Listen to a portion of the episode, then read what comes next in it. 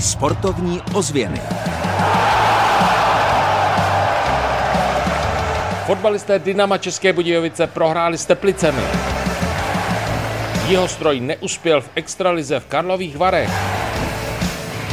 Jeho český kraj bude dějištěm mistrovství České republiky v Nohejbalu.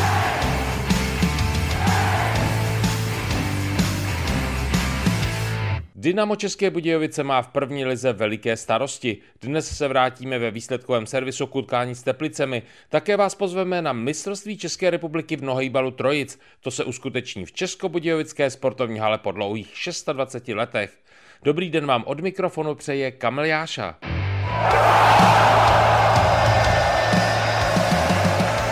Sportovní ozvěny s Kamilem Jášou. Téměř po 30 letech se zase bude konat mistrovství České republiky v nohejbalu v Českých Budějovicích. Byli jsme u toho, když Zdeněk Musil v roli ředitele vyprávěl, co všechno na 17. listopadu připravuje. Nemohli jsme u toho chybět.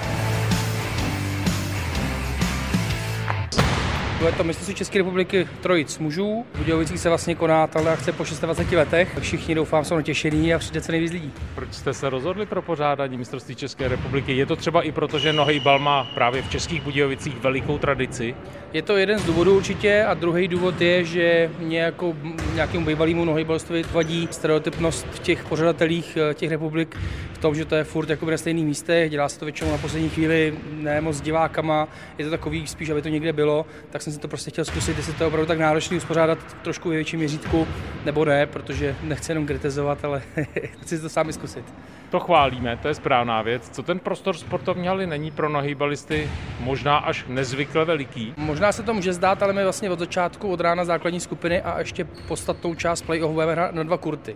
To znamená, že pro nás jako z začátku byla eh, jako otázka toho, jestli to dělat v dvou halách, anebo jestli to udělat v jedné větší hale, kde jsou dva kurty. Takže ne na centru, ale na šířku. Na centru se to bude hrát potom od semifinále. Přijedou určitě ty nejznámější týmy, čerstvý extraligový šampion Modřice, vícemistr z Čakovic, čekáme Karlovy Vary, čekáme vlastně kompletně celou extraligu, protože ty to mají povinný účast na mistrovství republiky a čekáme i docela hojnou účast ostatních ligových týmů z první ligy a z druhé ligy. A budou hrát také domácí nebo alespoň odchovanci Dynama České Budějovice?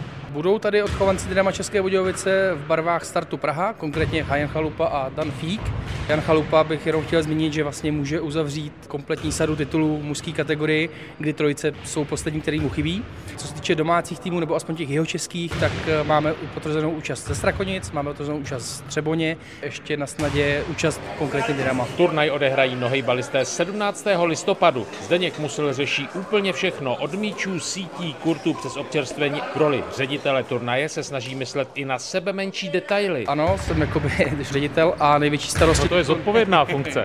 Teď největší starosti asi s cateringem, s nějakou pořadatelskou službou, protože už tam jako asi bude hodně diváků, takže už potřebujeme nějakého zdravotníka mít taky, potřebujeme tam mít jako security, že ta sportovka je k tomu způsobená, je tam spoustu možností, kudy přijít a potřebujeme ty diváky trošku nasměrovat, takže tam bude i takováhle služba. Celkově ta akce začínám zjišťovat, že má hodně věcí na starosti, je potřeba hodně věcí zařídit. Říká ředitel Samson mistrovství České republiky v Nohýbale Trojice Zdeněk Musil.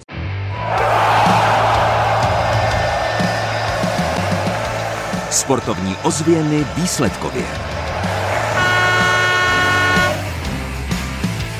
Výsledkový servis začneme na Českobudějovickém střeleckém ostrově. Dynamo prohrálo s Teplicemi 0-1 a v tabulce je poslední. Tady je pohled jednoho z dvojice českobudějovických trenérů Marka Nikla. Nás zajímají, jak hrajeme my a my eh, máme problém dát gól a jsme se udělali těžký, že jsme brzo inkasovali, ale pak si myslím, že ten výkon byl dobrý, gradoval a chlapi makali, bojovali, dřeli za nás, za všechny, za celý klub a tam nemůžeme vytnout nic, jenom to, že se nám nepodaří i z těch šancí ten gól dát. Ve druhé lize klub Silon Táborsko prohrál v Praze s Bčkem Sparty 1-2. V krajské fotbalové první A třídě ve skupině B vyhrál Meteor Tábor ve čtyřech dvorech 3-2. Tým trenéra Smetany je po podzimu v tabulce na prvním místě. Jsme spokojení, tak my ten cíl máme jasný, my prostě chceme se dostat do tu soutěž vejš. Volejbalisté jeho stroje neprožívají dobrý úvod sezóny. V Karlových Varech prohráli hladce 0-3. Extraliga házenkářů Kopřivnice Strakonice 39-35.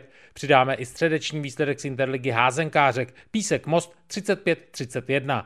A nejvyšší soutěž basketbalistů Písek Slávia 104-69. Tabulka. Tabulku nabízíme z už zmiňované první A třídy skupiny B. Na prvním místě je Meteor Tábor 31 bodů. Těsně v závěsu je Sokol se Zimovo ústí, který má jen o bod méně. Třetí jsou Dačice 24 body. Závěr tabulky 13. Jistebnice 7 bodů a poslední 14. je Kovářov po podzimu s pouhými 5 body.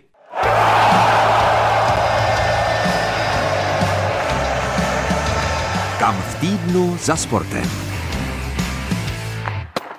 Pokud nemáte přesný plán na 17. listopad, určitě se vydejte do Českobudějovické sportovní haly na mistrovství České republiky v nohejbale Trojic. Je docela možné, že právě tam se společně potkáme. Od mikrofonu vás zdraví Kamil Jáša. Sportovní ozvěny Českého rozhlasu České Budějovice.